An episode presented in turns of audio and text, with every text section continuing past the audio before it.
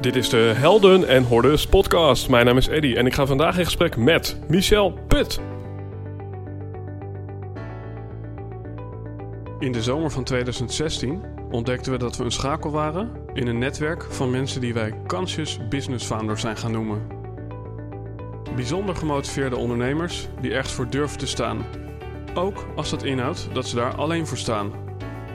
Die 200% toewijding willen geven voor 1% groei en zeggen: Dit ben ik en dit is mijn bijdrage aan een meer gebalanceerde wereld. Helaas kon je niet bij al deze gesprekken aanwezig zijn. Daarom hebben we die bijzondere verhalen voor je samengebracht in deze podcast. We wensen je veel luisterplezier, maar belangrijker nog, we hopen dat jij de volgende stap gaat zetten in jouw avontuur.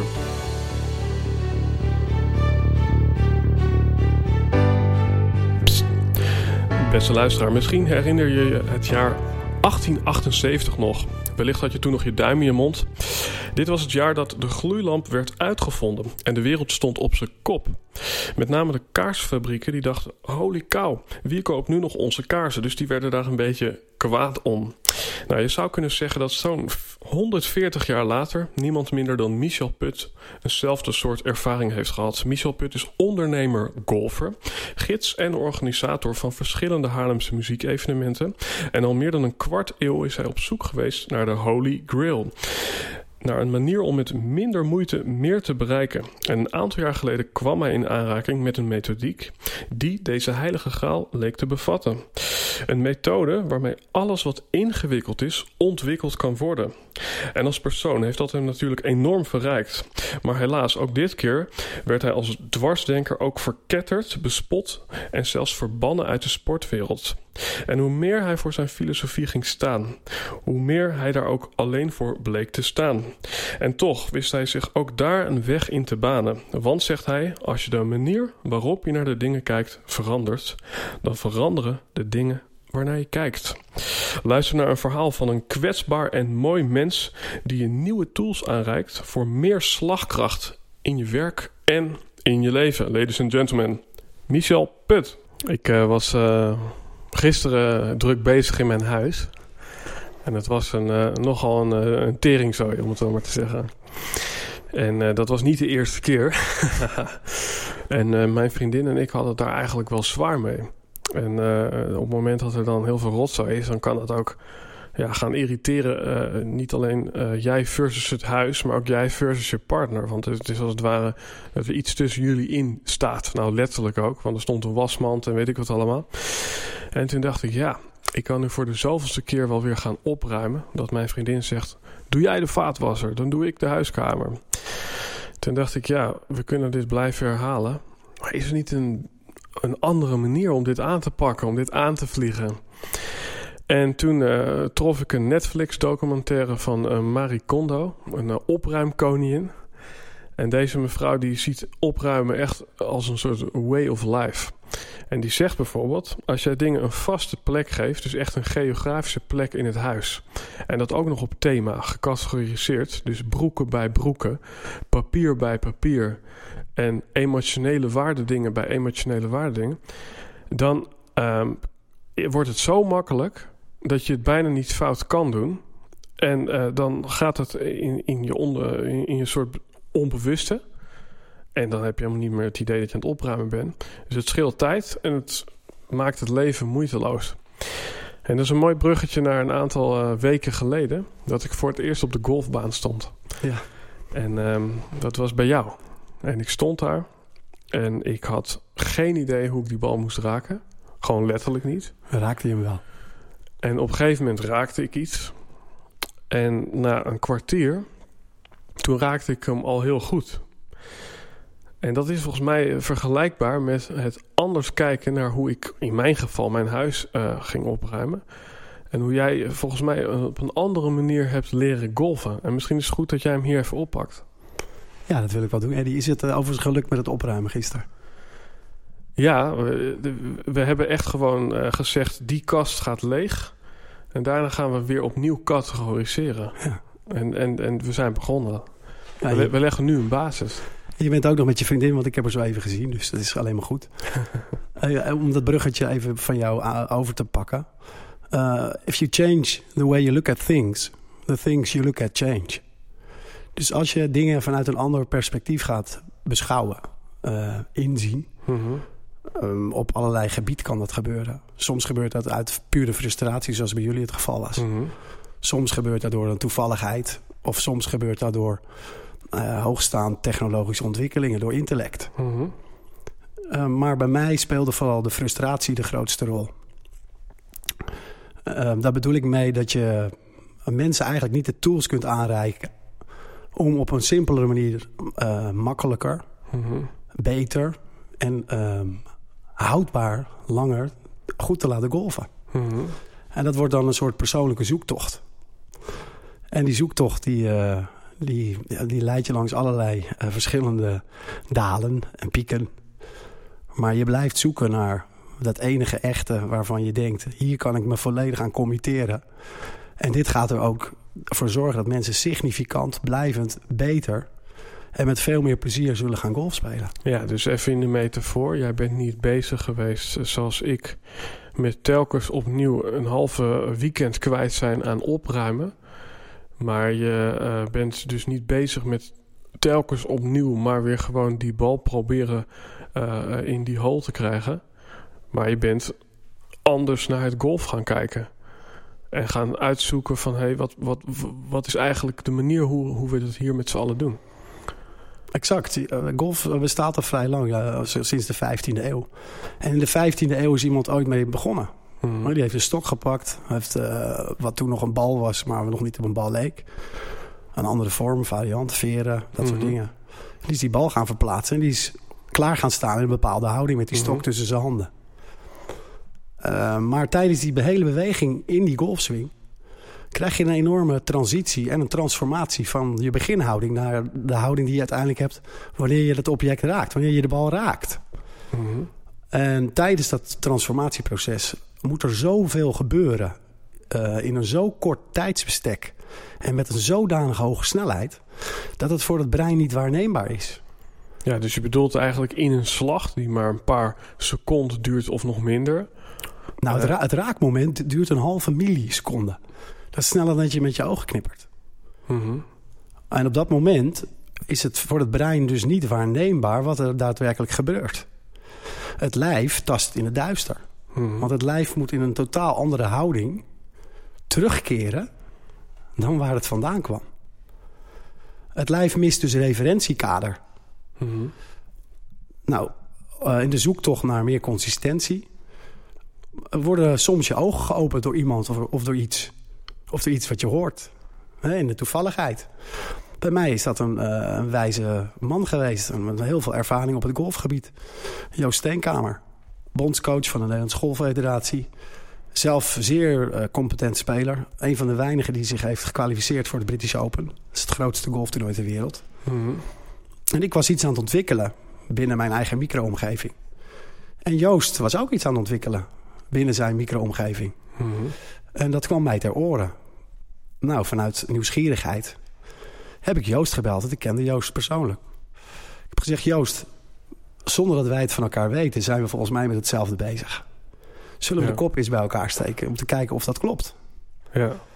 Nou, Joost zei, joh, ja, Marcel, ik ben in Nederland... en mijn compagnon is ook in Nederland. Dat is een Amerikaan. Waarom presenteer je niet even bij ons? Laat maar eens zien wat jij denkt dat je hebt ontwikkeld en ontdekt. Mm -hmm. Zo gezegd, zo gedaan. Maar Joost was veel verder. Joost had het helemaal wiskundig onderbouwd. En dat was voor mij echt ja. het moment dat ik dacht van ja... als ik hier geen gehoor aan geef, hoe gek ben ik dan? Ja, dus je hebt als het ware een, uh, uh, het licht gezien. Je hebt een manier ontdekt waarin je eigenlijk uh, met veel minder energie, met veel minder denkwerk, met veel minder handelingen in dat korte moment, eigenlijk veel meer slagkracht ontwikkelt. Absoluut. En ik vind het een mooi, hè? want je zegt, we, ja, ik, ik en Joost hebben dus bijna hetzelfde ontdekt. En het doet me denken aan de uitvinding van de lamp, waarbij ook heel vaak wordt gezegd, die uitvinding van die lamp, die is op meerdere plaatsen ter wereld op hetzelfde moment gedaan. Dat is meteen een mooi bruggetje naar het volgende. Want we zitten hier natuurlijk in de Helden en Hordes podcast. Waarin het gaat over de horde, de massa. Die het misschien allemaal niet zo leuk vindt uh, dat jij uh, iets nieuws hebt uitgevonden. Want in de tijd van de lamp was dat uh, de kaarsenfabriek. Die dacht, holy cow, wat gaat er nou gebeuren met al mijn mooie kaarsjes? they took the, our jobs. ja. Want want hoe, hoe, heeft dan, hebben, hoe heeft de Golffederatie, hoe hebben dan al die mensen erop gereageerd? Uh, dat jij eigenlijk um, ja, een, een, manier, manier van teachen, een manier van misschien wel leven, een manier van golf hebt ontdekt. Uh, die, die, die, die haak stond op hoe zij het allemaal deden. Nou, het is leuk dat je dat zegt. Dit is eigenlijk al een way of life geworden. Hè? Maar uh, alle eer en alle egaars gaan uit naar Joost en naar uh, Kevin Michaels. Dat zijn de, de innovatoren uh, van de gedachten. zij waren zelfs begenaderd speler. Mm -hmm. En kwamen erachter al spelende en met elkaar filosoferend. Michaels is een econoom, zeer goed wiskundig onderlegd. Mm -hmm. Joost is ook geen domme jongen. En zij gingen daarmee aan de gang. Mm -hmm. En dat, dat uh, leidde tot hilarische momenten. Want ja, mm -hmm. hun collega-professionals die vonden natuurlijk een beetje vreemd wat ze aan het doen waren. Onbekend, maakt immers onbemind. Dus ja, op het moment dat je je koppen bij elkaar steekt... en over het gedachtegoed gaat, gaat sparren... en je merkt dat er ontzettend veel draag- en raakvlakken zijn... en parallellen binnen je gedachten... maar ook binnen hoe je het operationeel in werking zet... wordt het natuurlijk heel interessant om dan je krachten te bundelen... En dan samen ten strijde te trekken. Want dat ja. is wat je feitelijk doet. je, ja. stap, je eigenlijk stap je tegen de conventie. Mm -hmm. je, je doet iets heel anders dan wat men doet. En men is dat niet gewend. Mm -hmm. Men weet eigenlijk niet echt goed wat je aan het doen bent. Dus communiceren daarover is heel belangrijk. Men heeft geen idee wat er daadwerkelijk gebeurt tijdens de beweging in de golfswing. Mm -hmm. Daar hebben we heel veel onderzoek naar gedaan.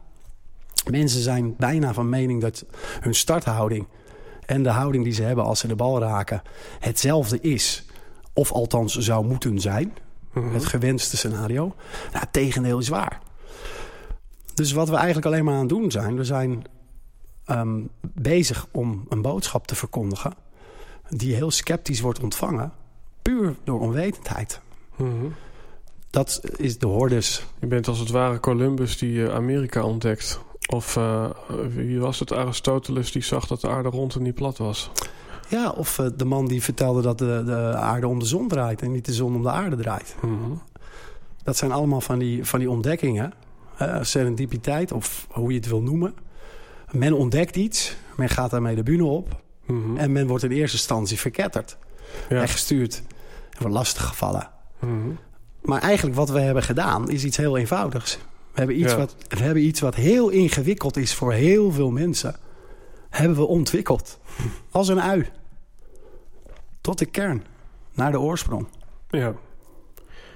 En, de, en het mooie is ook, je zegt eigenlijk van uh, uh, uh, ingewikkeld naar ontwikkelen. Ja. En dan kom je op een gegeven moment bij die kern. Ja. Maar ik, ik heb dan deze techniek van jou mogen beoefenen. En die kern, dat gaat dus om dat ene moment dat je die bal raakt. Ja. En het mooie vind ik, jij hebt toen volgens mij ook gezegd van... hé, hey, dat moment waarop je die bal raakt... Kijk, hoe die stok ook door de lucht gaat, hoe jij je lijf ook beweegt... het moment dat hij die bal raakt... Ja, is bij een goed resultaat is dat altijd precies hetzelfde. Ja, ken, jij de film Highlander, de vroegere versie? No. Dat, ging, dat ging over mensen in de wereld. En uh, die hadden superkrachten. Maar er waren er een aantal van. En het was de bedoeling dat de beste overbleef. En de zuiverste. En dat betekende dat die, de andere Highlanders uh, moesten onthoofden. Met een heel groot zwaard. Mm -hmm. En op het moment dat dat gebeurde... Gelukkig overwon de goede altijd. Want anders was het slecht met de wereld afgelopen.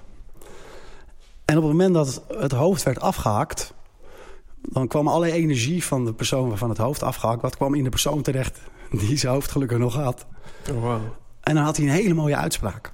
En die luidde... There can only be one. En wat ik daarmee wil zeggen is... het maakt niet uit of je op je kop gaat staan als je een golfswing maakt. Maar op het moment dat je de bal raakt... gelden de universele wetten. Ja. Er is maar één perfecte impact. Die is uit te rekenen. Mm -hmm. Dit is gewoon pure geometrie. Is pure mechanica. Hoe functioneel laat je een golfclub werken Ja, voor je? Dus wat Joost en Kevin hebben aangetoond... door middel van heel veel videobeelden bekijken... heel veel foto's van topspelers... gedurende de gehele geschiedenis van golf doornemen, Mhm. bestuderen... Ze kwamen erachter dat er allemaal eh, algemeenheden waren bij deze spelers... op één moment van hun swing. Op impact. Op Ja. het moment van de waarheid. Ja, mooi. Nou, hoe slim is het dan om te zeggen... hé, hey, als al die grote mannen en al die grote dames op het moment van raken... in deze houding staan... Mhm. waarom gaan we dan niet proberen om vanuit die houding te vertrekken? Maar laten we dan die houding als oorsprong nemen... dan eventjes terug in de tijd. Ja, ja, ja. En dan weer terug naar de plek waar je vandaan kwam. Hoe zuiver is dat? En, en ik vind het een mooie metafoor hè, voor het ondernemerschap. Want eh, ik heb vroeger ve- veel boekjes gelezen en daar hadden ze het over de golden hour. Ja. En de golden hour is het allereerste moment dat je opstaat. En waarom is dat het golden hour? Omdat je dan vaak nog niet afgeleid wordt door telefoontjes van klanten. Als je echt vroeg opstaat, dan ga je voor je kinderen en je vrouw uit. Dus je gaat eigenlijk voor alle ruis uit. En dan, en dan kom je dus tot een soort essentie. En als je in die essentie gaat mediteren, wordt er in dat boek beschreven. En je gaat in die essentie opschrijven één taak waar deze dag eh, ja, voor centraal staat.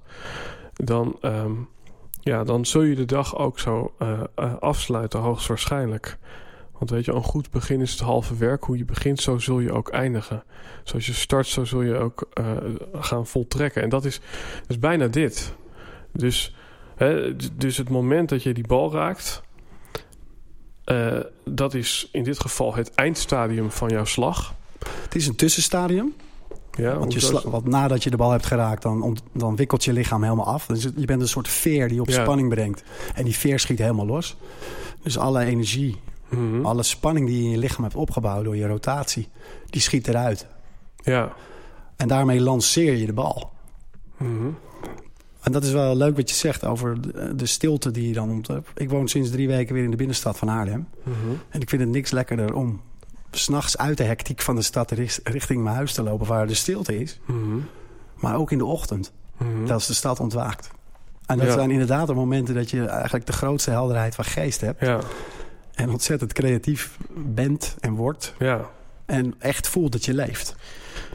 Ja, dus, dus eh, het is, weet je wat, het is het zoeken en het repeteren en het hard werken voor een bepaald resultaat. Of dat nou in de, in, op de golfbaan is, of eh, eh, in je onderneming of in je relatie. Terwijl jij eigenlijk zegt van, ga maar eens gewoon in dat nulpunt zitten. Ga maar eens gewoon bijna meditatief in die houding staan zoals je die bal wil raken. Nou, sterker nog, er zijn hele mooie neurowetenschappelijke bewijzen voor. Dat als je stil gaat staan, letterlijk, maar ook figuurlijk, je sneller vooruit gaat. Mhm. En dat ligt in de grondslag van de theorie van het diepe learnen. Dat is een, Want wat is deep learning? deep learning is een manier van trainen... waarbij eigenlijk alles dat je wil leren... vier stadia laat doorlopen. Dus of jij nou eh, de nieuwe Beethoven wil worden... of de beste baseballplayer in de wereld... of whatever, Mhm. schilderen. Het is voor op alles toepasbaar. Mhm. De theorie is gefundeerd op vier elementen. Het eerste element is dat je alles wat je wil leren, in dit geval motorisch, is dat je dat in partjes moet hakken. Chunk it down. Die partjes, die ga je al afzonderlijk trainen. Maar die train je in een slow motion variant. Dat herhaal je. Mhm. Dan integreer je tot een eenheid. En dan is het vierde element dat je eigenlijk hetgeen je wil leren moeilijker moet aanleren. Dus training at the edge. Oh, wow, ja. Eh, le- Leg dat eens in een voorbeeld uit. Ja, ik, ga, ik heb een heel mooi voorbeeld daarvan. Ehm, er is een hele beroemde cricketer. De Don, Australische cricketer. Is ook benoemd tot Sir inmiddels. En dat was de allerbeste batsman ever. Die had een percentage van 99,94. De nummer 2 had ongeveer 40%. En deze Don praktiseerde deep training. Dat wist hij zelf toen nog niet, want toen was het boek nog niet verschenen. Mhm. Wat deed hij? Hij zaagde zijn cricketbed af. Dus zijn cricketbed was nog maar een kwart van wat een normaal cricketbed is. Mhm. En hij trainde niet met cricketballen, hij trainde met golfballen. En die gooide die op tegen een muur met heel veel relief. Dat betekent dat die bal al steeds op een andere manier terugkomt. En dan sloeg hij hem weg. Wat gebeurt er dus als Don het cricketveld betrad? Dan keek hij naar de, naar de bowler en dan keek hij hem aan van... ik weet niet wat jij wil vandaag. Nou, hoe je hem ook gooit. ik sla hem het stadion uit.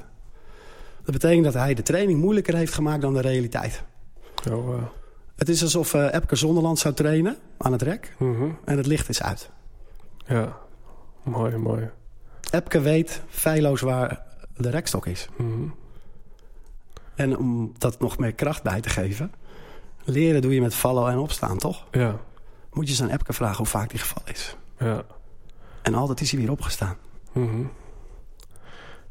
Ja, ik, eh, ik ben natuurlijk zelf eh, als jongleur actief. En, Ja. eh, en, en ik leer dan ook mensen jong leren. En eh, als je jong bent en je wil het leren, Dat is hoe, hoe doe je dat? Iemand die jong is en wil leren, die wil het meteen kunnen. Ja. Dus ik kijk naar mijn neefje van elf. En die gooit eh, meteen eh, met, met, met drie of vier ballen. En ze vallen allemaal op de grond. En ik zeg, kan je met één bal gooien? Ja, dat kan ik wel. Ik zeg, nou, dat wil ik wel eens zien. En hij heeft tien minuten één bal in een boogje gegooid. Vervolgens tien minuten eh, twee ballen in één hand. Vervolgens tien minuten twee ballen in twee handen. Ja, zo bouwde hij uit en binnen een uur kon hij met drie ballen jong leren. Iets waar ik zelf een jaar over gedaan heb toen ik zijn zelfse leeftijd Ja. had. Dat is een heel mooi voorbeeld van, eh van Chunk It Down. Hè, dus Dus, ja, maar klein beginnen. Ja, maar er zit iets moois in. En, en wat, ik, wat ik er bijna romantisch aan vind is... eh, er zit een soort sereniteit in. Een soort, een soort rust. En misschien wel een stukje vertrouwen. Een stukje geduld. Want ik kan me voorstellen dat als je dit niet heel graag wil leren... dan ga je niet vertragen. Dan wil je die stappen niet... eh, niet- Klopt. En dat, het- het- daarmee tip je eigenlijk aan waar het om gaat in alles wat je wil gaan beheersen. Mhm. Dat moet een innerlijk vuur zijn. En dat moet zo vreselijk hoog al laaien. Mhm. Het innerlijke vuur om goed te worden in iets. Mhm. Daarnaast heb je iemand nodig die je de hand reikt. Geen coach, een gids. Iemand die jou een kompas geeft. En die je zelf laat besluiten welke richting je op wil. En het derde wat je nodig hebt is diep training. En de coach, de coach hoeft maar drie dingen te doen. Dat innerlijke vuur is er al. Dus eh, hij hoeft jou niet te motiveren. Jouw neefje hoeft niet door jou te worden gemotiveerd. Dat he- heeft jouw gave al gedaan. Dat joch was stinkend jaloers dat jij met vier ballen, die, vier ballen hoog hield. Mhm. Zij dacht, wat er ook gebeurt, ik ga mijn oom voorbij. Mhm. Dus zijn drive was huge. Ja. En eh, dat hij ehm, sneller ging dan jij ooit gegaan bent, dat is genetische mazzel. Hij heeft iets eerder dan jij de relatie tussen tijd en ruimte door. Ja. Maar als hij niet de drive heeft, niet de intrinsieke wil om goed te worden, Mhm. maar wel die genetische mazzel, wordt het niks. Andersom kan wel. Mhm. Iemand die minder genetische mazzel heeft, maar wel de drive, die wint altijd. Mhm. Want die heeft de wil, de passie, de bereidheid Mhm. om te leiden. Mhm. En iemand die het niet heeft, die ziet er vanaf. Dus zeg je daarmee eigenlijk ook dat, dat eh, als ik het even verder doortrek, dat een, een slechte start eh, in je leven misschien wel de motor is voor een succesvol stuk eh, in je werk of je carrière of op wat dan ook? Zeker. Kijk naar alle grootheden in de wereld. Waar komen ze vandaan? Uit de goot. Uit de goot. Ja. Ze zijn groot geworden door te vallen Mhm. en niet te blijven liggen, Mhm. maar op te staan en door te gaan. Want, want ehm, als je even naar je eigen eh, situatie kijkt, is het bij jou dan ontstaan vanuit pijn of passie? Dat jij eh, zo eh, ja, hongerig was naar een, een verbetering in het golf? Nee, weet ik, wat ik uit de podcast van Paul heb opgepakt vorige week. Mhm. Is dat Paul zei dat mensen veranderen eigenlijk op twee momenten in hun leven. Hè? Mhm. Dat doen ze vanuit passie. Dus de bereidheid om te lijden. Dat doen ze uit noodzaak. Mhm. Als het echt de verkeerde kant op met je eh, dreigt op te gaan. Vanwege welk probleem dan ook. Maar ik kan er nog een derde aan toevoegen. Je verandert als je direct de nut van je verandering direct meemaakt. Dus meteen profiteert van de verandering. En dat is bij kinderen heel belangrijk. Want jij zegt terecht, een kind wil meteen succes hebben. Anders gooit hij zijn speelgoed in de hoek. Gaat hij iets anders doen. Nou, hoe fijn is het dan als je een methodiek kunt ontwikkelen... kunt bijdragen aan de ontwikkeling van een methodiek... die dat leerproces tien keer versnelt. Alleen maar omdat je een stofje aanmaakt in je brein... die dat neurowetenschappelijk onderbouwt. Je maakt een isolator aan in je hoofd. Myeline heet dat stofje. En daardoor komen de signalen die je stuurt... komen sneller aan en ze komen op de juiste plek aan. Dus je, je snijdt af. Je hebt eigenlijk een shortcut. Ja, want de paradox is eigenlijk eh, als je meteen een soort inspanning en daarna meteen een beloning ziet, dan, dan blijf je eh, gedreven en dan heb je niet heel veel pijn of passie nodig, want je ziet gewoon een soort instant satisfaction. Exactly. En tegelijkertijd, eh, dan ben ik wel benieuwd, hè, als je dan met één zo'n bal gooit, dan, en dat is vrij, dan moet je ook nog vertragen en je moet het ook nog moeilijker maken. Ja, Maar die bal, met, als je die bal eh, fysiek gooit, dan lukt dat natuurlijk niet. Want die bal heeft zijn eigen snelheid. Dus waar je heel erg gebruik van maakt, is van visualisatie. mhm. Ehm, ja, in dat boek van de talentcode eh, heeft hij het over talent hotbeds. Dat zijn plekken, specifieke plekken in de wereld... waar substantieel meer talent, tussen aanhalingstekens dus... want talent is eigenlijk niet iets wat er is, het is iets wat groeit. Door diep trainen. En de man heeft dus ontdekt dat er in de wereld plekken zijn... waar meer talent vandaan komt dan elders. En dat fascineerde hem. En dat is hij gaan opzoeken. Zo kom je bij een tennisschool in Moskou. Spartak heet die club. Wordt gerund door één vrouw.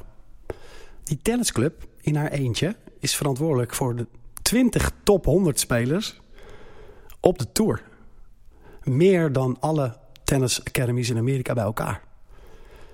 En dat, dat, hij had zoiets van, wat gebeurt daar? Daar moet ik bij zijn, dat wil ik Ja, meemaken. Nou Eddie, daar gebeuren hele bizarre dingen. Daar gebeuren dingen waarvan jij denkt, waar gaat dit over? Daar staan twee tennissende meisjes of twee tennissende jongetjes tegenover elkaar. Maar die hebben geen racket in de hand. En er is geen tennisbal. Maar ze staan een soort, in een soort pandomien staan ze met elkaar over te slaan. In slow motion. Zonder bal, zonder racket. nou, op dat moment wordt er enorm veel myeline aangemaakt. En dat is het stofje wat dat leerproces ontzettend versnelt. Ja, ja, maar en is dat dan niet saai hè, om zo bij, er, erbij te staan? Dat ligt aan de mastercoach. Dus eigenlijk zit de beloning zit in de coach en niet per se in of je, of je die bal raakt met dat racket. De coach is alleen maar bezig met het proces en niet Ja. met het resultaat. Want natuurlijk krijgen de kinderen daarna hun beloning. Want daarna mogen ze gewoon in een normale snelheid die ballen gaan slaan. Mhm. En daarna, Maar tot die tijd is er toch iets van geduld nodig. En dan zeg je eigenlijk, zo'n coach is er tot die tijd voor jou om, de, de coach... om jou het vertrouwen te geven. Juist. Ja, wauw. Ja, Ken je de Karate Kid, Eddie? Ja, dat, eh, die, die heb ik echt op mijn lijst staan, maar ik heb hem gewoon nog nooit gezien. Nee. Nou, de Karate Kid, de echte oude karate. De eerste Ja. met Daniel Russo. Die wordt gepest in elkaar geslagen omdat hij in een nieuwe buurt is komen wonen.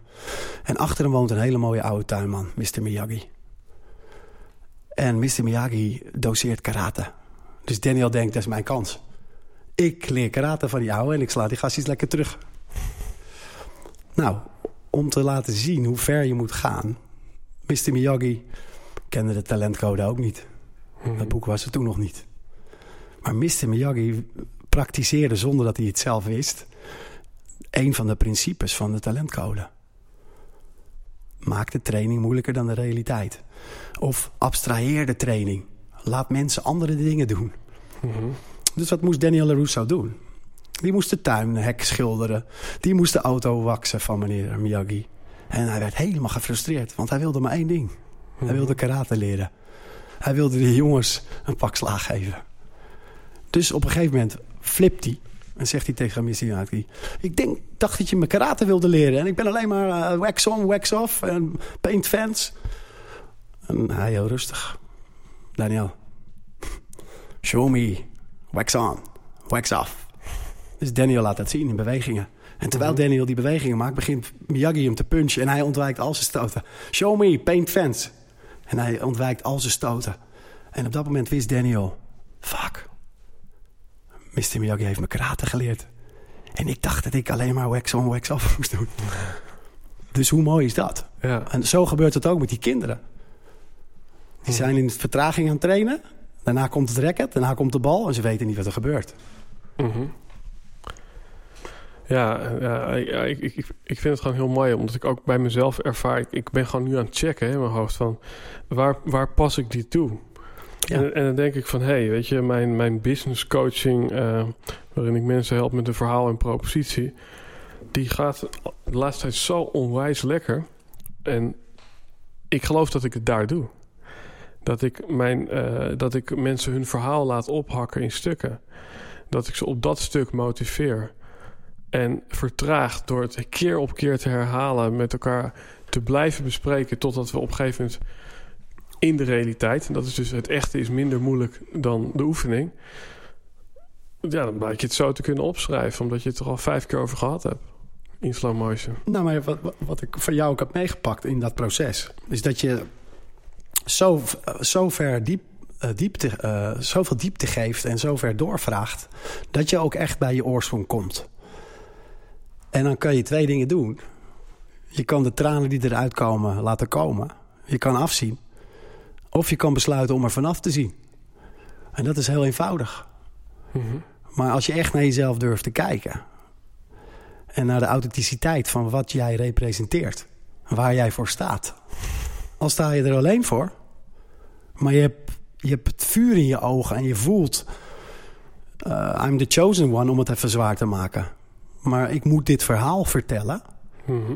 maar ik vertel het eigenlijk alleen nog maar aan mensen die het willen horen. Ik ga niet meer duwen. Hè? Als je duwt, stoot je iets af. Ja. Ik heb het net weer ervaren. Als je het op je af laat komen, als je eraan trekt, komt het naar je toe. Mhm. En dat is een beetje wat jij doet ook op het moment dat je met mij praat over mijn verhaal. En mijn rol in deze wereld en in mijn vakgebied. Van, hé hey joh, Je zei net, je zei net eh, afzien en er vanaf zien. ja, En eh, ja, dat, dat, dat zeg jij nu met een soort redelijk eh, eenvoud en confidence. ja, En ik zit te denken, je hebt mij wel eens verteld eh, het verhaal over, over, over jouw eigen afzien. Weet Ja. je wel, jouw eigen hordes in de helden en hordes terminologie. Want misschien is het even goed om, om, om, om daar even naartoe te gaan. Want op een gegeven moment toen, toen, toen startte jij met golven. En eh, of, of, ja, je zette een, eh, een voet op, op, op, op, op het veld eh, waar gegolfd werd. ja. Dat klopt. En, en, en eh, hoe verhoudt zich dat tot, tot afzien of er vanaf zien? Wat, wat gebeurde daar? Eh, je hebt wel eens van die momenten dat je, dat je aangaat op iets, toch? Mhm.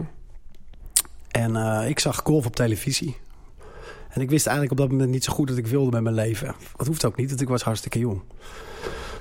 Maar ik had wel een bepaalde behoefte aan richting. En ik wilde wel iets doen waar ik mijn energie in kwijt kon. Eh, ik werkte toen de tijd bij een beursmakelaar. Eh, ik was heel goed aan de telefoon. En ik belde mijn eh, vriendin op en ik zei... ik ga hier stoppen. Ik ga iets heel anders doen. Ik ga golfen. Nou, dit is natuurlijk niet wat ze hoorde. Want ik was nogal van het een naar het ander... in mijn zoektocht naar Mhm. wat ik leuk zou kunnen gaan vinden. Mhm. En ik had golf op televisie gezien. Toen dacht ik, ik heb het nooit gedaan, dus dat moet ik wel kunnen. En ehm, zo geschieden. Ik heb een afspraak gemaakt. Dat was mijn laatste telefoontje ook bij die beursmakelaar. Dat was naar de golfbaan in Spaarnwoude. Ik heb me daar gemeld bij de toenmalige hoofdpiet. En ehm, mijn verhaal verteld wat, wat ik wilde. En wat mijn intentie was. Dus hij ging er allerlei jargon met, eh, aan de praten. Wat ik helemaal niet begreep. Had het over handicap en dat soort dingen.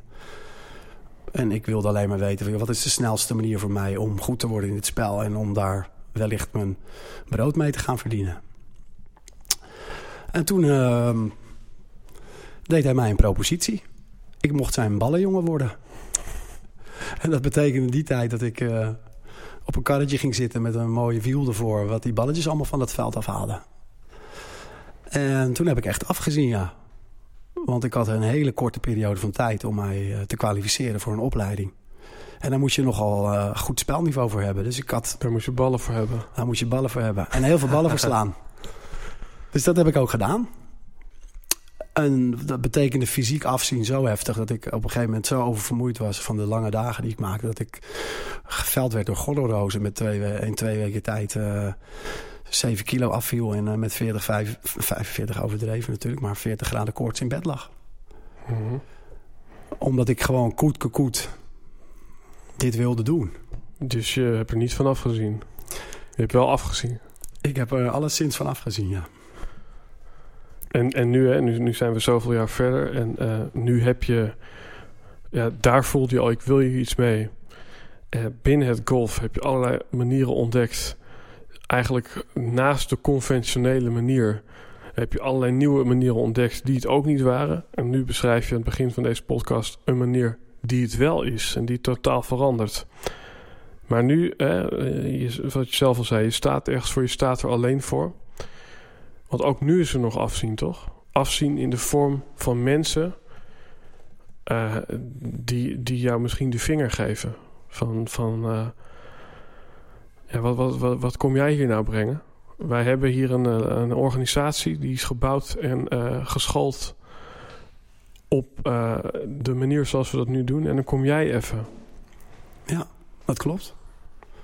Dat klopt. Maar op het moment dat je doorontwikkelt en kijkt naar wat in grosso modo de mensen doen, hoeveel problematiek mensen hebben met het herhaalbaarheid element, met het steeds kunnen reproduceren van een stabiele swing. Luister, het is heel eenvoudig. Die bal is de baas over hen. En deze methode laat hen de baas worden over de bal. En de bal liegt niet. De bal vliegt. En de bal vertelt hoe het met jou voorstaat. En ik ben eh, misschien heel eigenwijs. Maar mijn klanten zijn ook heel eigenwijs. Maar op een gegeven moment stopt volgens mij eigenwijsheid. Als het feitje tegenspreekt. En dan kan je twee dingen doen. Je kan je kop in het zand steken. En je kan doen wat je altijd al deed. Maar dan krijg je wat je altijd al kreeg. Dat is het punt waar ik was beland. En door nieuwe inzichten, door voortschrijdende inzichten... die je alleen maar krijgt door voort te schrijden... Mm -hmm. door te vallen en, op te staan, door fouten te maken... grote fouten te maken, op allerlei gebied... krijg je dus een bepaald stamina en een soort drive... om het golfwoord maar te gebruiken om door te gaan en om, en om te ontdekken dat er meer is tussen hemel en aarde. En als dan pure feiten, niet alleen neurowetenschappelijke feiten... maar ook pure mechanische feiten, spreken van waarheid. Mm -hmm. um, heel veel um, golfers maken gebruik tegenwoordig van uh, zogenaamde trackman devices. Dat zijn uh, apparaten die ze in het leger gebruiken om de baan van een kogel te volgen. Nou, die zijn nu helemaal into sport. En ook golf is daar heel heftig in ontwikkeld. Die machines die uh, verzamelen data. Nou ja, meten is weten. Mm -hmm. Als uit die meetgegevens blijkt dat er een veel grotere stabiliteit ontstaat... dan kan, dan kan de afkeer nog heel lang duren. Ja, dus eigenlijk wat je hoort zeggen is een beetje het, uh, het uh, stukje van... als je eenmaal gezien hebt dat Sinterklaas niet bestaat... dan kun je er ook nooit meer in geloven. Ja. En uh, dan zou je wel gek zijn om toch mee te lopen met de massa die Sinterklaas aanbidt. Zo, zo is het precies zoals jij het nu beschrijft. Dat vind ik een hele mooie metafoor over wat er, wat er speelt. Maar, maar, het, maar het, is, het is in die zin wel treurig. Want ja, jij loopt daar dan als enige ja, niet-gelover tussen allemaal gelovigen. Het is, het is als je, alsof je als atheïst in de kerk zit. Ja, of het, of het is precies andersom. Ik ben tot nu toe misschien de enige geloven binnen een spectrum van niet-gelovigen. Maar het maakt niet uit, weet je wel. Ik kan op dit moment niet naar de conventie stappen. Ik heb mijzelf en met Joost hebben we ons gepresenteerd op golf.nl. Dat is een heel groot platform. Mm -hmm. Daar waren we weken het best bekeken filmpje. Mm -hmm. Maar mensen uh, vinden het eng. Ja. Mensen zijn sceptisch, mensen zijn onwetend. Men ziet het niet op de tour. Waarom doen de professionals op de tour het niet? Die doen het wel. Mhm. Alleen eh, ze starten nog niet in die houding. Ja, Waarom niet? Omdat ze eh, gewoon uh, tekstboek geschoold zijn. ja. Hun coach is een conventionele coach. En, en, en, en hoe, hoe, hoe zit dat nu in, in jou? Is dit op het moment ook uh, jouw, jouw persoonlijke struggle? Ik bedoel, is, is dit iets wat op dit moment een horde is in jouw leven? Of heb je, ja, heb je daar helemaal geen probleem meer mee? Weet je, ik, ik moet even denken aan een John Lennon die ergens anders voor staat dan de politiek en uh, de meeste anderen. Maar die staat daar gewoon volledig ontspannen uh, in zijn anders zijn. De laatste anderhalf jaar ben ik volkomen zo lang in deze positie. Mhm. Mm -hmm. Daarvoor niet. Daarvoor had ik veel problemen ermee. Omdat het me ook letterlijk uh, in de problemen heeft gebracht. Mm -hmm. uh, de club waar ik 23 jaar werkte... verzocht mij vriendelijk, doch dringend... Uh, toch maar even het clubhuis te verlaten nu. Mm -hmm. Omdat dat dwarsgedachte element vonden ze toch wel heel lastig. Ze konden mij niet managen. -hmm. Dat zegt meer over het management, vind ik op dit moment. Ja. En wat ik je al eerder zei... ik ben gestopt om hard te schreeuwen. -hmm. Ik merk nog wel dat ik met stemverheffingen spreek. Maar dat is puur uh, het enthousiasme wat mij, in mij oplaait... op het moment dat ik uh, uh, aan het gidsen ben. Ja. Als ik met mensen aan het werk ben, dan word ik enthousiast. En dan ga ik Mhm. aan. Ja. En dat vind ik goed, dat ben ik. Mhm. Ja, want, want uh, eventjes een doemscenario. Uh, je bent zometeen overleden en uh, jouw werk en de waarde daarvan wordt pas na jouw dood ontdekt. Net zoals Van Gogh. Ja. Is, is dat überhaupt een doemscenario? Of, of zou het voor jou niet erg zijn als er 50 jaar na jouw dood, terwijl je er zelf geen rode cent voor hebt gezien, dat het ineens wordt opgepakt? Nee, heb ik geen enkel probleem mee. Dat zou een pure ego-trip zijn. Het gaat mij puur en luister, ik heb de methodiek niet ontwikkeld. Mhm. Ik heb hem doorontwikkeld. Ik heb hem eigen handen en voeten gegeven. En ik heb hem een bestaansrecht gegeven. En ik heb het bestaansrecht verlengd. Mhm.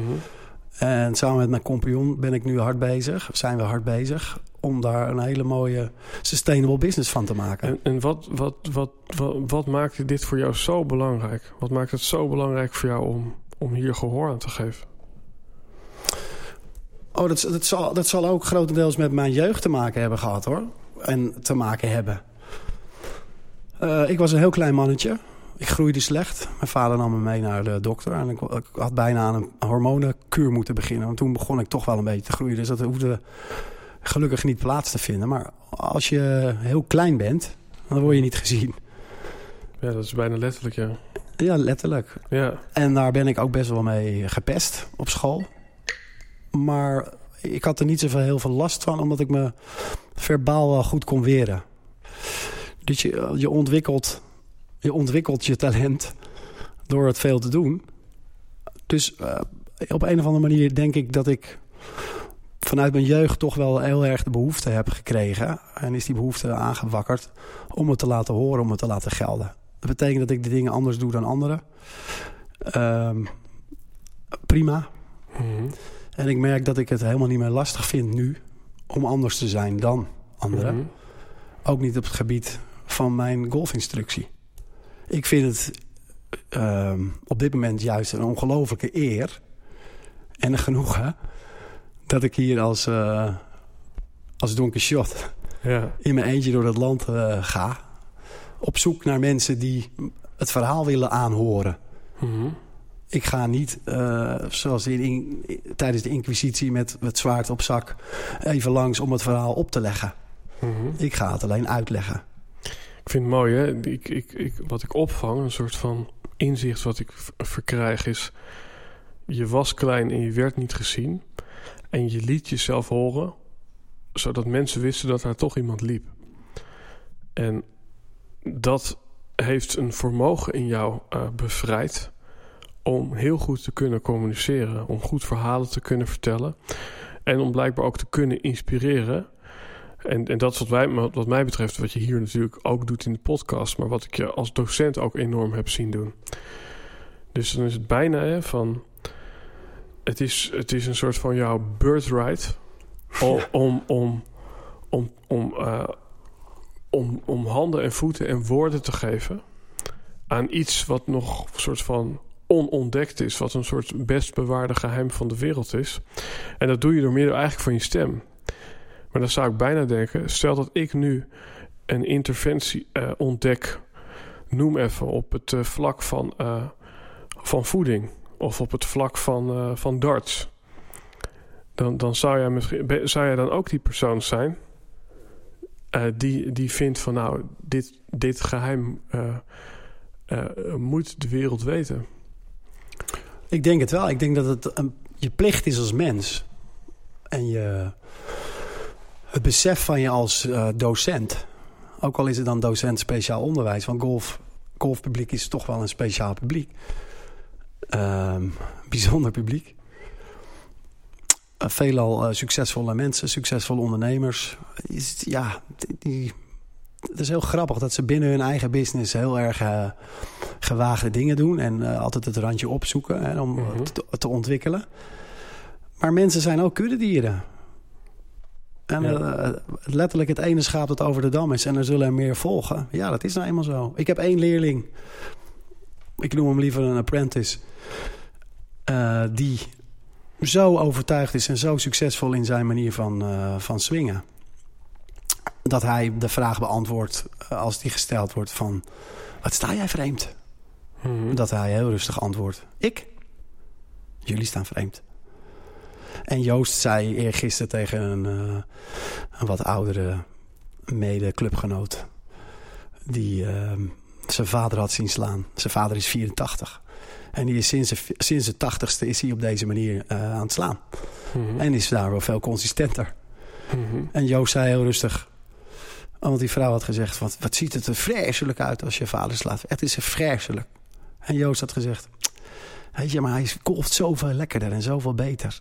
En het is eigenlijk jammer over 15 jaar, als jullie er niet meer zijn. Jammer dat jullie er dan niet meer zijn, maar dan golft iedereen op deze manier. Dus, maar Joost is daarin veel wijzer en veel rustiger. Ik ben daar mm -hmm. veel meer nog emotioneel geladen onder. Mm -hmm. Maar ik kan het steeds beter. Ik kan het ook... Uh, als mensen gaan ridiculiseren, dan uh, laat ik ze. Mm-hmm. Ik ga niet meer trekken aan mensen die niet getrokken willen worden. Mm-hmm. You can lead a horse to water, but you can't make a drink. Hè? dus pushen wordt het niet meer. Nee. Rustig um, zenden. Waardevolle informatie de wereld insturen. En kijken of mensen blij worden van de informatie. Mm-hmm. Maar het doet natuurlijk ook heel erg een appel. Want enerzijds is jouw talent dus om, om, om, om een stem te geven aan iets wat jou inspireert. En anderzijds kan diezelfde stem door andere mensen ook als heftig worden ervaren. Ja. Waarin je misschien uh, ja, uh, uh, iets komt brengen waar ze niet om hebben gevraagd. Dan ben je inderdaad Sinterklaas, maar dan ben je het zelf. En, en dan geef je ze cadeautjes die ze niet wil, wil, willen hebben. Ja, dus, dus het is een soort levenskunst geworden om te kijken van... Hey, dit podium leent zich voor mijn enthousiasme, voor mijn bezieling. Mm -hmm. En waar ik vol het verhaal kan vertellen. Omdat ik weet, er zijn mensen die geïnteresseerd zijn in het verhaal.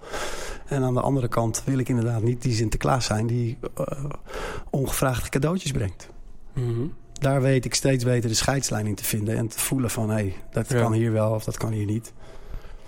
Ja, dus daarin is ook, uh, weet je wel, taal en, en, en, en toon en timing zijn allemaal super belangrijk in, in, in, in je slagingskans. Absoluut. We hebben het over slagen, slagkracht, ja.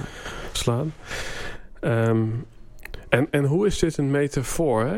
Uh, dit wat jij gezien hebt in golf, hoe, hoe is dat een metafoor voor een ondernemer of muzikant of uh, vrije tijdsbeoefenaar die nu luistert? Wel, welke belangrijke les en welk ja, soort van wereldverbeterend inzicht kan die halen uit wat jij hebt geleerd en gezien in de nieuwe manier van uh, het golfspel spelen? Wat belangrijk is, denk ik, is uh, dat alles begint met een intentie. Een beweegreden. Ja, nou bij mij is dat letterlijk de beweging die je wil maken om een golfbal zo efficiënt mogelijk te verplaatsen van A naar B. Mm -hmm. Voor een ondernemer kan dat zijn van nee, ik wil zo efficiënt mogelijk ondernemen. Ik realiseer me dat ik toen ik ging ondernemen vrije tijd wilde. Maar ik moet helaas constateren dat ik weinig vrije tijd heb.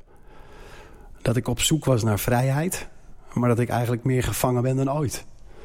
Mhm. Dat ik baas wilde zijn van mijn eigen. En maar nu ben ik een eigen baas. En je eigen baas zijn, dat is een heftige baas hoor, zal ik je vertellen. Ja, ja. Voor een kind, voor iemand die echt iets wil leren... kijk of je er het innerlijke vuur voor hebt. Kijk of je de bereidheid hebt om ervoor te willen leiden. Om ervoor af te zien. Mhm. Want als je die niet hebt, dan kan je er gewoon beter echt van afzien. Voor je eraan begint. Dan wordt het niks. Mhm. De principes van deep learning, die kan je integreren op elk niveau. Elke motorische vaardigheid die je wilt leren, maar ook naast motorische vaardigheden, kun je de principes toepassen. Mhm. Ja, dus het is inderdaad een mooi 1, 2, 3'tje. Want als je begint bij dat stukje passie, dan is het inderdaad...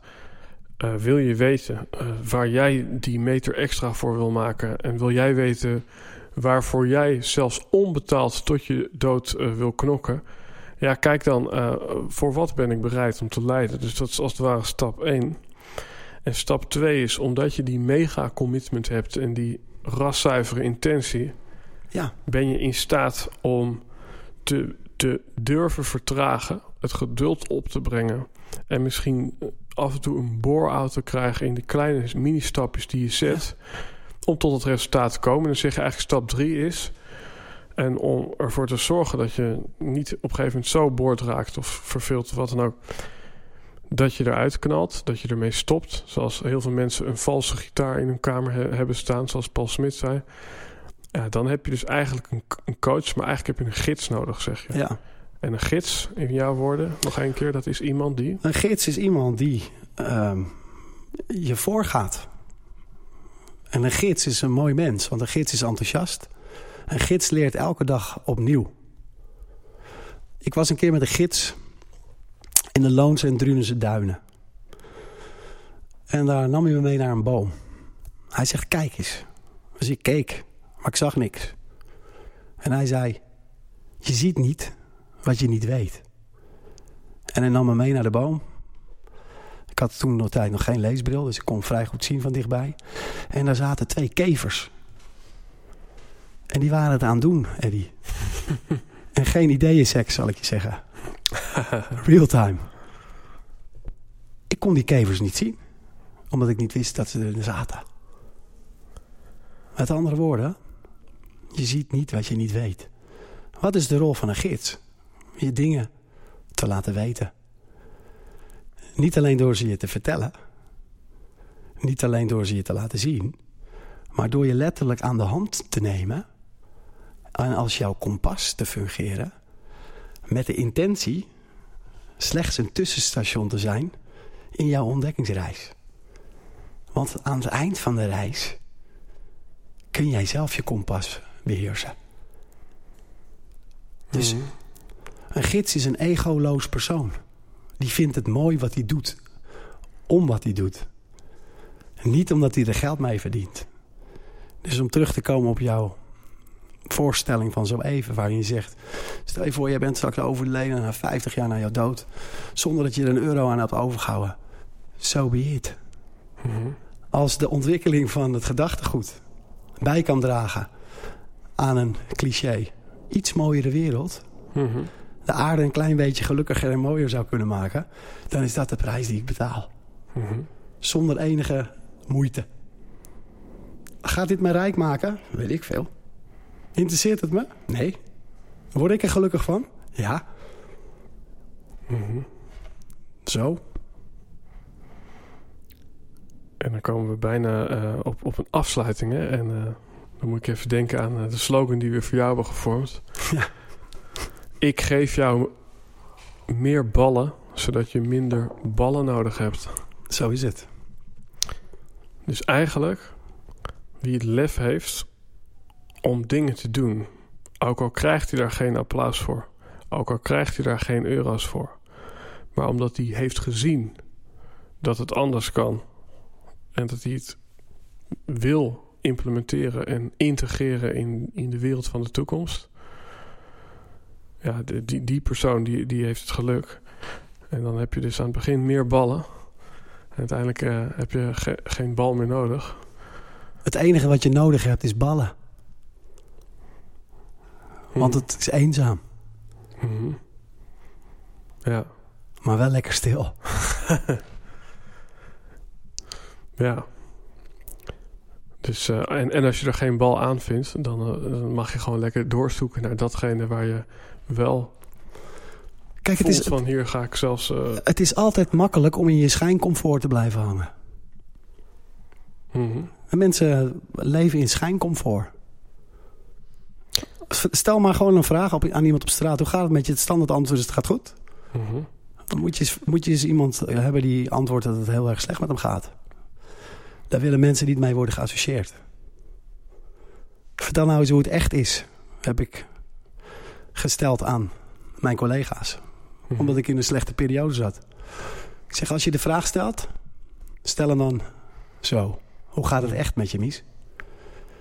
Mhm. En ik heb een uh, hele mooie uh, klant. En zijn antwoord op deze vraag is standaard. Als hem wordt gevraagd. Gaat het goed met je? Veel gaat goed. Ik ben hem even kwijt. Wat is dat? Het meeste gaat goed. Veel is alles, maar het meeste gaat goed. Mm -hmm. Waardoor hij eigenlijk zegt van... joh, er is ruimte nog voor... Ja, je hebt hem aan mij verteld. Ja, veel, heb hem, ja. veel is alles. Alles goed. Alles goed? Alles is veel, maar veel is goed. Dat is het. ja, ja, ja. Inderdaad. Mooi. Super mooi. Ja, dat is wel mooi. Ik, ik moet ook nog even denken. Ik, ik zie jou zo staan tussen alle ja, mensen die uh, een goed centje hebben verdiend. Die lekker hebben gegolfd. En uh, die staan daar op de baan en dan kom jij er een beetje als een soort klokkenluider. En dan is er natuurlijk de quote van ga je voor je gelijk of ga je voor je geluk? Maar jij had gelijk en zij dachten dat ze gelukkig waren. Omdat zij gelijk voor een geluk gingen, maar jij niet. Correct. ik, uh, ik ga liever voor uh, korte pijn, lang geluk. Mm -hmm. Dan voor kort geluk en lange pijn. Ja, dit is eentje helemaal vol met one-liners. Dat kunnen we wel. En, um, en dan heb ik nu even een gekke vraag. Hè? Dan, uh, dan, dan is dit zo'n vette aflevering... dat zometeen iedereen deep learning gaat toepassen. Dat ja. iedereen gaat golfen. Iedereen slagkracht En dat iedereen wil. bereid heeft om de pijn te dragen... van datgene wat hij zelf misschien heeft ontdekt. En dan staan ze daar zometeen uh, uh, allemaal morgen te golfen. En dan is het overmorgen. Michel, wat ga je doen, jongen? ja, dat is een mooie vraag, Eddie. Ik ga door met wat ik doe. Ik ga door met het verkondigen van de, van de waarheid... op het gebied van het moment van de golfswing waar de waarheid geldt. Het moment van raken. Dus je gaat de waarheid ook op, op andere gebieden dan alleen golf ja, golf is natuurlijk alleen maar een vehikel. Ja, want dat zei ik. Als, je, als morgen iedereen het moment of truth in golf ervaart. Ja. Weet je wel, wat doe jij dan overmorgen? En dan heb jij geen baan meer. Dan heb je jezelf overbodig gemaakt. Dat is het allerhoogste haalbare. En wat ga je dan doen? Als je jezelf misbaar kunt maken en overbodig. En dan heb je jezelf nu overbodig gemaakt op golf. En wat doe je dan overmorgen? Dan, dan verzinnen we weer wat nieuws en dan verzinnen we iets en we komen iets tegen. En er zijn zoveel dingen. Ik ben bezig met muziek, uh, maakt niet Mhm. zoveel uit. Nee. Dus dan ga je weer gewoon opnieuw contact maken met... Hey, waar ben ik bereid voor om, om, om, om pijn te dragen? En misschien ook wel het stukje truth gewoon in andere dingen leggen. Ja, of ik ga tapdansen. De moment of tap. Yes. Hey uh, Michel, um, het is uh, het uurtje rond. Ik, um, ik ben super blij dat, uh, dat ik jou heb ontmoet. En ik, ik voel die echtheid. En nou, ik weet niet wanneer deze aflevering online gaat, maar we gaan samen ook een event organiseren. En dat heet Slagkracht. En dat is natuurlijk super gaaf, waarin al deze dingen uitgebreid worden gepraktiseerd. Um, maar ik weet niet wanneer dat is. En uh, op het moment dat dat uh, helder is, dan staat het in de show notes van deze podcast. Het wordt, uh, me, het wordt, wordt medio mei. Mm -hmm. Dus beste luisteraar, als jij meer slagkracht wil op de baan of in je leven. Of in je business. Of in je business. Of in je bijbaan. In je bijbaan. Rondom je baan. dan ja, in je baan, op de baan of rondom je baan. Dan, dan ben je in mij meer dan welkom om met meer slagkracht en meer ballen aan de slag te gaan. Um, ja, Michel, ik zal dus in de show notes van alles vermelden rondom deze aflevering. Uh, de luisteraar die krijgt ook een melding wanneer deze mooie website van dit event live staat. En dan zou ik je afsluitend nog even willen vragen: is er misschien één klein trucje of live hack dingetje waar iedereen die vandaag luistert meteen al of aan de slag kan met deep learning of waardoor die meer truth kan krijgen in zijn leven. Is misschien één ding wat nu je opkomt waarvan je denkt, nou dat vind ik leuk om nog even mee te geven aan de luisteraar. Poeh, dat is even heftig, Harry. Mm -hmm.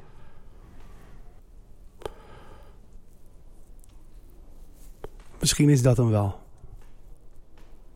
Sta stil bij wat je doet. Mm -hmm. En het was stil. Yes, dankjewel Michel. Graag gedaan. Yes, voor de luisteraar, je kunt dus via onder andere de hashtag Helden en Hordes via Twitter, Instagram en Facebook meepraten over deze aflevering. Uh, Michel heeft een organisatie die heet True Groove. Dus deze organisatie die kun je ook vinden op onder andere Facebook. Als je dingen aan Michel wil vragen of misschien een keer een lesje wil volgen of mee wil doen. Um, ja, verder uh, is deze aflevering natuurlijk te luisteren op Spotify, YouTube enzovoort. Vind je dit een vette aflevering en denk je nou deze is wel 5 sterren waard? Dan staat er in de show notes zometeen ook een linkje uh, naar uh, de plek waar jij jouw waardering kan delen met ons en met de rest van Nederland. Zodat iedereen zometeen moment of truth krijgt en iedereen een true groove krijgt. Dus dankjewel voor het luisteren en tot de volgende podcast. Yes, beste luisteraar, je hoorde het net al eventjes van Michel. Binnenkort is het eendaagse slagkracht-event. Een dag waarin je samen met andere ondernemers leert hoe je meer slagkracht krijgt. Op de golfbaan, in je baan en rondom je baan. In je hele leven dus. Samen met like-minded people word je een volle dag geïnspireerd door diverse sprekers, hele toffe workshops en chillmomenten. Waardoor je met veel minder moeite veel meer voor elkaar gaat boksen in je leven. Ook ik zal een bijdrage leveren aan deze hele toffe dag. En last but not least, het is op een hele toffe locatie. En als luisteraar van deze podcast krijg jij 10% korting op dit event. En het enige wat je daarvoor hoeft te doen is eventjes te scrollen naar de onderkant van deze show notes. En te klikken op true-groove.com. Dus Michel en ik zien je heel graag op het event. En anders, beste luisteraar, dan check ik je bij de volgende aflevering van de Helden en Hordes podcast.